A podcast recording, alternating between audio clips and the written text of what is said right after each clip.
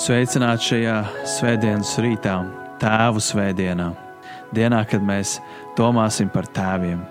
Ar jums kopā ir Liepājas Baptistu centra draugs sludinātājs Toms Bermaks. Es vēlos lasīt šajā rītā no rakstu lasījuma 5. mūzes grāmatas 6. nodaļas 4. līdz 9. pantam. Klausies, Izraēl, tas kungs, mūsu dievs, ir vienīgais kungs. Un tev būs to kungu, savu dievu mīlēt no visas savas sirds un no visas savas dvēseles un ar visu savu spēku. Un lai šie vārdi, ko es tev šodien pavēlu, tev paliek ierakstīti tavā sirdī, un atgādini tos saviem bērniem, un runā tos sēžot savā namā, un pa ceļu ejot, guļoties un ceļoties un sien tos kā zīmi uz savas rokas un lietas par zīmi starp savām acīm uz pieres, un raksti tos un liec pie sava nama durvju stabiem un pie saviem vārtiem. Āmen!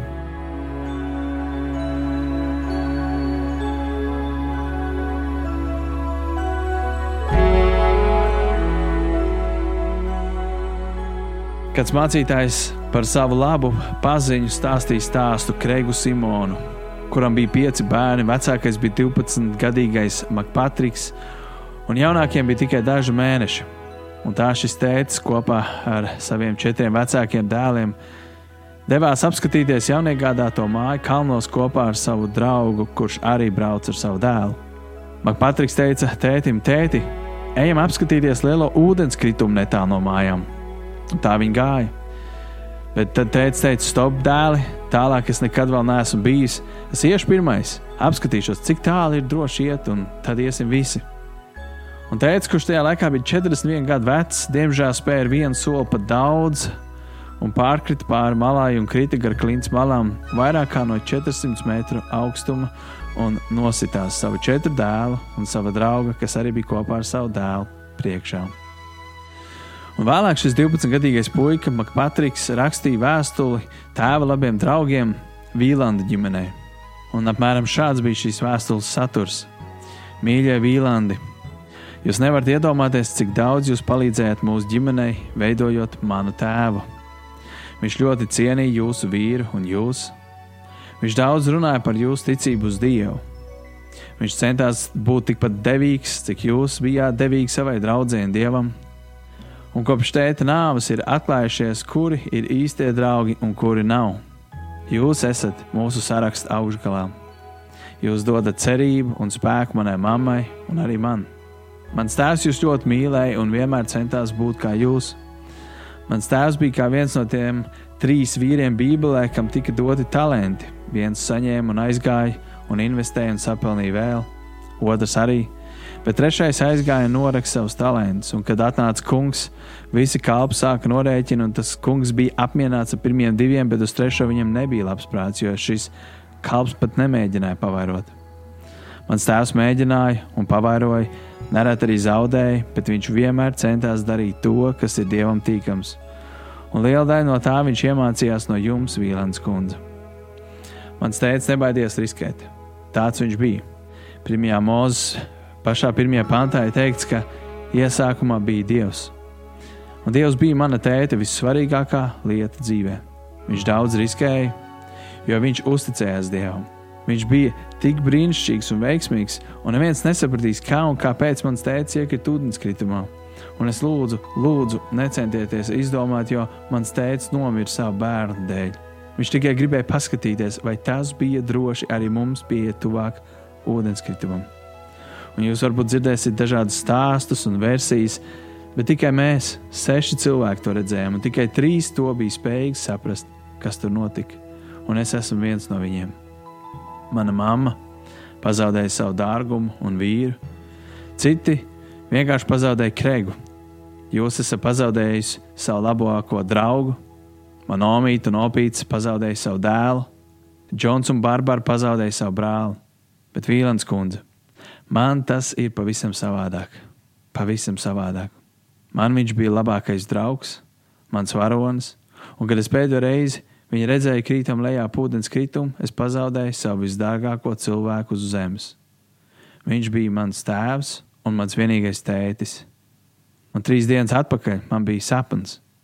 Un tas nebija tikai sapnis, ka es zinu, ka tētim tagad viss ir labi, bet viņš man pats teica, ka viņam viss ir kārtībā. Paldies, ka bijāt manam tētim un esat arī tagad mums patiesa draugs. Es jūs ļoti mīlu, Makpatriks, 12 gadīgs puika. Tēviem ir milzīga ietekme uz saviem bērniem. Milzīga. Un tas, ko Sātens ir darījis jau kopš seniem laikiem, un īpaši pēdējos gados pastiprināt, ir centies nonicināt tēvu lomu ģimenē, nonicināt vīriešu lomu sabiedrībā, nonicināt tēvu lomu šajā pasaulē. Un tāds teiciens mums tautā, ka vīrieši ir palikuši kā lupats. Pat kāda mācītāja sieviereiz teica, ka ja no zooloģiskā dārza izbēgtu lauva, kas sēž nevis gaļu, bet vīriešus, īstus vīrus, tad visticamāk šī lauva nomirtu badā, jo viņa īstus vīrus neatrās tādi pavisam maz. Īsti tēvi ir pavisam maz. Un es nevēlos aizstāvēt vīrus un vainot sātani, jo savā ziņā tā ir katra vīra atbildība būt par vīru, kas ir dievam tīkams. Un vēl vairāk apzinoties visu iekšā lauzošo feminismu, kas palīdz graut šo vīriešu lomu un atbildību. Un mēs esam situācijā, kur ir izteikts trūkums pēc vīriem, par kādiem runā Bībele, par vīriem, par kādiem māca Bībele, kādiem mums būtu jābūt. Un arī man patiesībā, kā mācītājiem, ļoti grūti runāt par šo tēmu, jo to būtu vieglāk darīt kā sievietei, runāt par otru. Bet arī man vēl ir daudz, kur augt šajā sfērā, lai es būtu tāds vīrs un tāds tēvs, kā Dievs mani grib redzēt. Makpatriks zaudēja savu vienīgo tēti. Iespējams, daudz no jums arī esat zaudējuši savu tēvu. Varbūt kādiem no jums nemazam nav bijis tēvs. Un tiem, kuriem ir bijis, varbūt tās jūs atzīstat, ka viņš nav bijis tāds, kādu jūs vēlēties, ka viņš jums nav devis to, kas jums ir bijis nepieciešams. Un tēvs ir tas, kas bērnam dod identitāti, piederību un vietu šajā pasaulē. Un tāpēc vēlos šajā rītā atgādināt, kādiem būtu jābūt tēviem. Un pirmā lieta, ko es gribu atgādināt, ir, kad dievbijīgi tēvi nodod savu ģimeni dievam. Un varbūt tās kāda šajā rītā, kas klausās, nepazīst Dievu, bet pats svarīgākais, ko tu kā tēvs vari dot savai ģimenei, ir nevis finanses un materiālā labklājība, un ēdienas galdā, laba māja vai mašīna, dārga skola vai kas cits. Kaut arī tās visas lietas ir svarīgas, bet pats svarīgākais ir savu ģimeni nodot Dievam. Un es gribu lasīt no Jozo 24. nodaļas, 14. un 15. panti, kur rakstīts, un nu bīstaties to kungu un kalpojiet viņam patiesībā un mīlestībā. Atmetiet tos dievus, kuriem jūsu tēvi bija kalpojuši, un kalpojiet tam kungam. Bet, ja jums nepatiks tam kungam kalpot, tad izvēlieties šodien paši sev, kam jūs kalposiet. Vai tiem dieviem, kuriem jūs tēvi kalpoja un kur zemē jūs dzīvojat, bet es un mans nams, mēs kalposim tam kungam. Šis nodaļas pirmie 13 panti runā par to, kā Dievs ir viņus sargājis, kā Dievs viņus ir vadījis, kā Dievs par viņiem ir rūpējies. Un, un neskatoties uz šīm Dieva rūpēm, tēvi izvēlējās atstāt Dievu. Un Jozo tagad saka tautai, viņš saka, šodien izdariet izvēli, kam jūs kalposiet. Dievam vai alku dieviem dievam, vai visam tam, ko saka sabiedrība, ko saka kultūra, vai tam, ko saka kolēģi darbā, vai draugi. Vai citi cilvēki. Un tad, kad Jozovā uzrunāja tautu, tie bija vīri, uz ko viņš runāja. Tie bija vīri, kuriem bija jāizdara izvēle, ko es un ko mēs kā ģimene darīsim. Un Jozu atbild, viņš saka, es nezinu, kā jūs, viņš saka, bet es kā vīrs, es un mans nams, mēs kalposim tam kungam. Līdz ar to tā ir tava kā tēva atbildība. Pirmkārt, izdarīt izvēli priekš sevis, kam tu ticēsi, kam tu kalpos, kam par godu dzīvos, un otrkārt, izdarīt izvēli, kam ticēs tava ģimene, kam kalpos tava ģimene un kam par godu dzīvos tava ģimene. Kas ir interesanti, viss sāks ar vīru, viss turpinās ar vīru un viss noslēdzas ar vīru, ar tēva lēmumu. Tas ir tēva lēmums. Vispirms pašam saprast priekš tevis, kas ir tavs kungs. Un vai tavs kungs ir kung, kungs un ķēniņš, ķēniņš Jēzus Kristus, vai tas būs kāds cits? Jozo izdarīja skaidru izvēli. Viņš tāpēc droši var teikt, es un mans nams mēs kalposim tam kungam. Mēs zinām, ka šodien mums visiem ir tiesības, bet nevienam nav atbildība. Visiem ir tiesības uz savu ticību, uz savu izvēli, uz savām tiesībām. Taču tēviem, un es varētu teikt, arī vecākiem, vairs nav brīvas iespējas audzināt savus bērnus, kā to māca Bībele. Jo mūsu bērniem jau no mazām dienām tiek mācīts, ka viņi var izvēlēties savu dzimumu, kas viņi būs, jeb kas viņi gribētu būt. Bet tās visas ir sekas tam, kas nāk no tā, ka cilvēki nav izvēlējušies atzīt Dievu kā Dievu, un Dievs ir viņus nodevis šajās apkaunojošajās kārībās. Tas, ka viss šajā laikā ir apgriezts kājām gaisā. Un Jozo saka, es un mans nams, mēs kalposim tam kungam, līdz ar to tev kā tēvam šajā rītā vai vīram ir uz pleciem uzlikts ļoti daudz. Tā ir tava atbildība. Pirmkārt, lūk par sevi, lūk par savu sievu, lūk par saviem bērniem. Ja tev ir, tad arī mazbērniem. Un tad mēs nonākam pie raksturvietas, ko es lasīju pašā sākumā, ka viņš saka, klausies, Izraēl, tas kungs, mūsu dievs, ir vienīgais kungs. Un tev būs to kungu savu dievu mīlēt no visas sirds, no visas dvēseles un ar visu savu spēku. Un interesanti šeit rakstīts, un lai šie vārdi, ko es tev šodien pavēlu, tev paliek ierakstīti tavā sirdī. Un kas tev ir jādara kā tēvam? Atgādini tos saviem bērniem, runā tos sēžot savā namā, pa ceļojot, guļoties un ceļoties, sien to kā zīmu uz savas rokas, liec par zīmes starp acīm uz pieres un raksti tos un liec pie sava nama durvju stabiem un pie saviem vārtiem. Tad tēva tavs pirmais, ja primārais uzdevums ir priekš saviem bērniem, ka tu vari atstāt daudz un vērtīgu lietu mantojumā, bet tavs primārais uzdevums ir atgādināt saviem bērniem runāt, sēžot savā namā, pa ceļojot, guļoties, ceļoties, iekā zīmi uz rokas, uz acīm, rakstīt uz nama durvju stabiem un pie saviem vārtiem.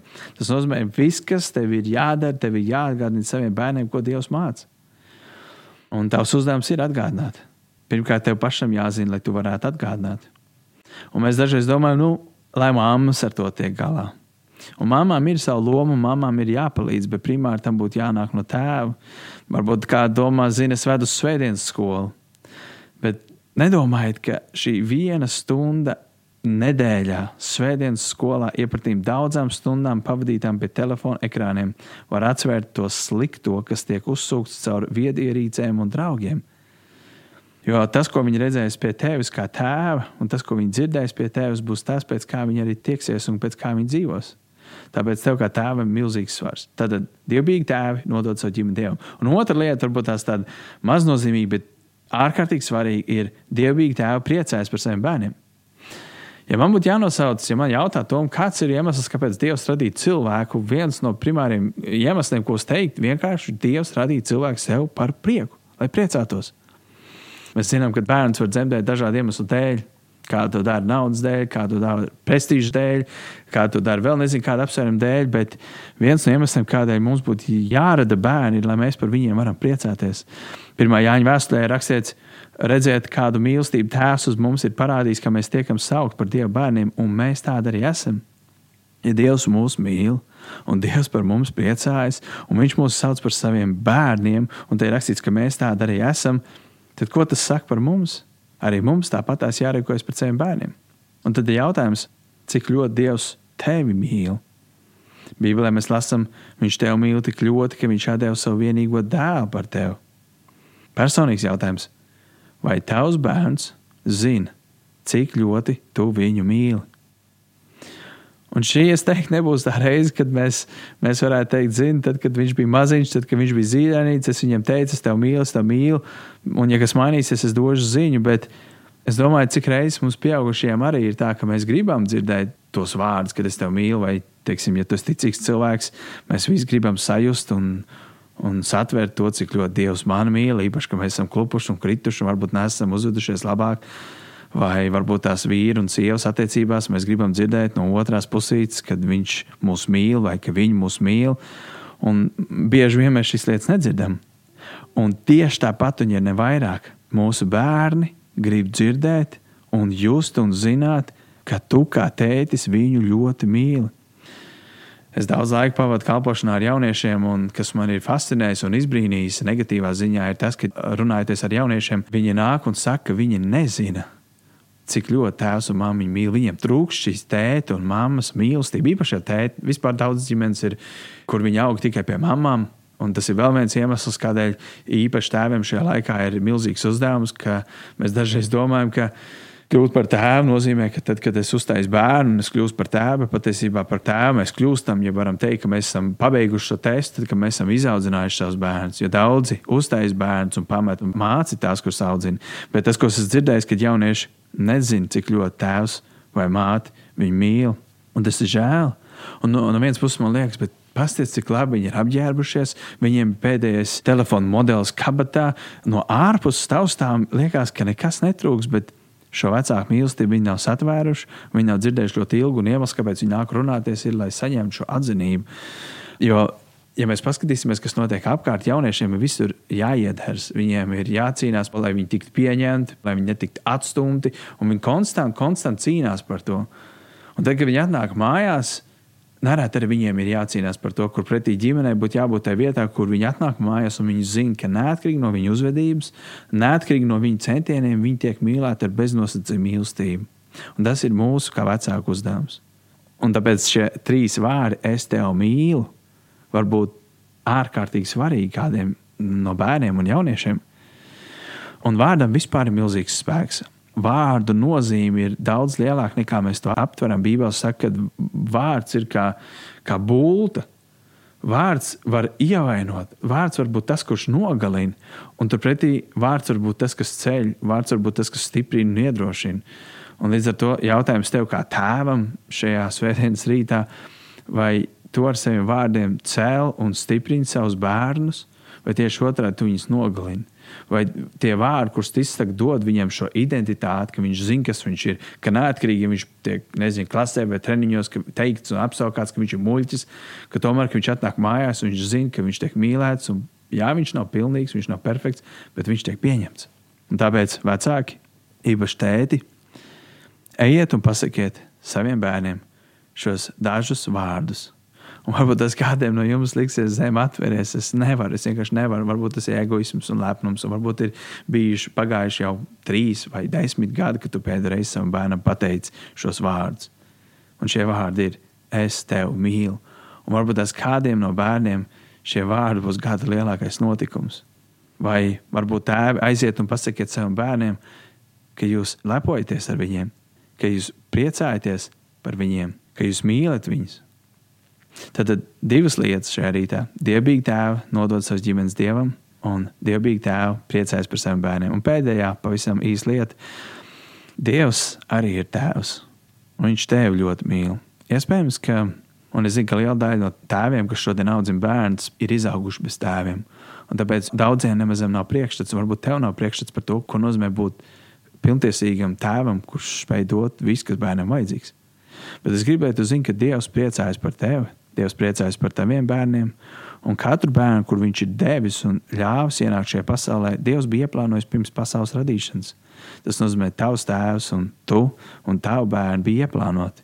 Dievs to bija redzējis, kā labi esam dot tev šo bērnu.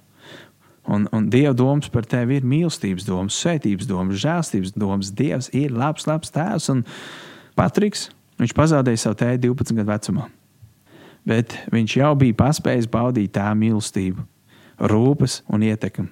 Bet šie viņa mazie brālīši un māsiņi vēl to nepaspēja. Tāpēc šajā tēvu svētdienā es gribu, lai jūs novērtējat, ja tev ir tēvs, novērtē to. Pasakies Dievam, pasaki savam tētim, ka tu esi priecīgs, ka tu esi laimīgs, ka tu lepojies, ka viņš ir tavs tēvs. Jā, viņš nav bijis perfekts, bet viņš ir devis tev dzīvību. Un ja tev nav tēvs, tad ziniet, ka jums ir labs, labs tēvs debesīs. Jums ir labs tēvs debesīs. Un viņš ir tas, kurš palīdzēs tev būt labākam tēvam, labākam vīram. Pat ja tu esi kļūdījies, un varbūt tas kāds šeit rītā klausās un saprot, es esmu visu salaidis dēlī. Es esmu pazaudējis ģimeni, pazaudējis sievu, pievīlis savus bērnus. Tā labā lieta saistībā ar Dievu tā, ka Dievs ir piedodošs Dievs, un ja tu atzīsti, ka tu esi kļūdījies un tas bija sautīgs un egoistisks, Dievs tev piedos. Un šajā rītā to var lūgt Dievam, pat ja tu viņu nepazīsti, to teikt, Dievs, es, es atzīstu, ka es neesmu bijis labākais tēvs, un es lūdzu vienkārši piedod man, un, un no šīs dienas palīdz man būt tādam tēvam, kādu tu vēlēsies, lai es esmu.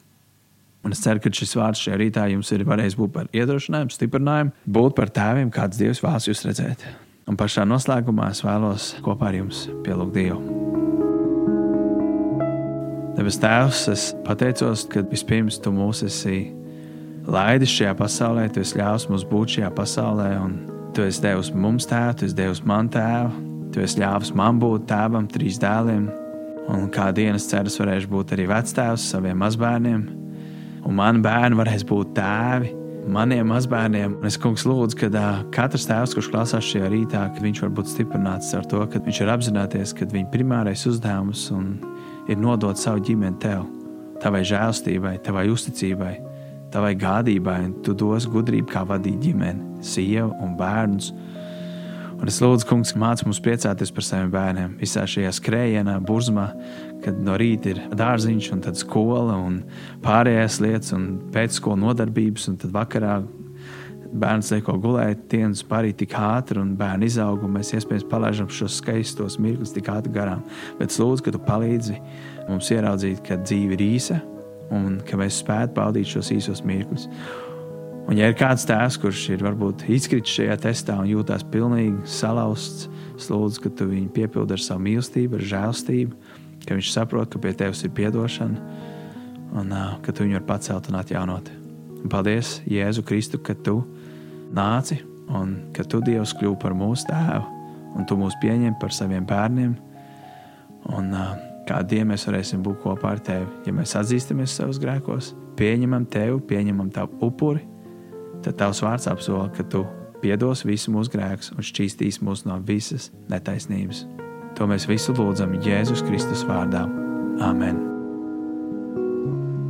Ar jums kopā šajā rītā bija Liepājas Baptistu centra draugs sludinātājs Toms Bermaks. Lai jums svētīga šī tēvu svētdiena!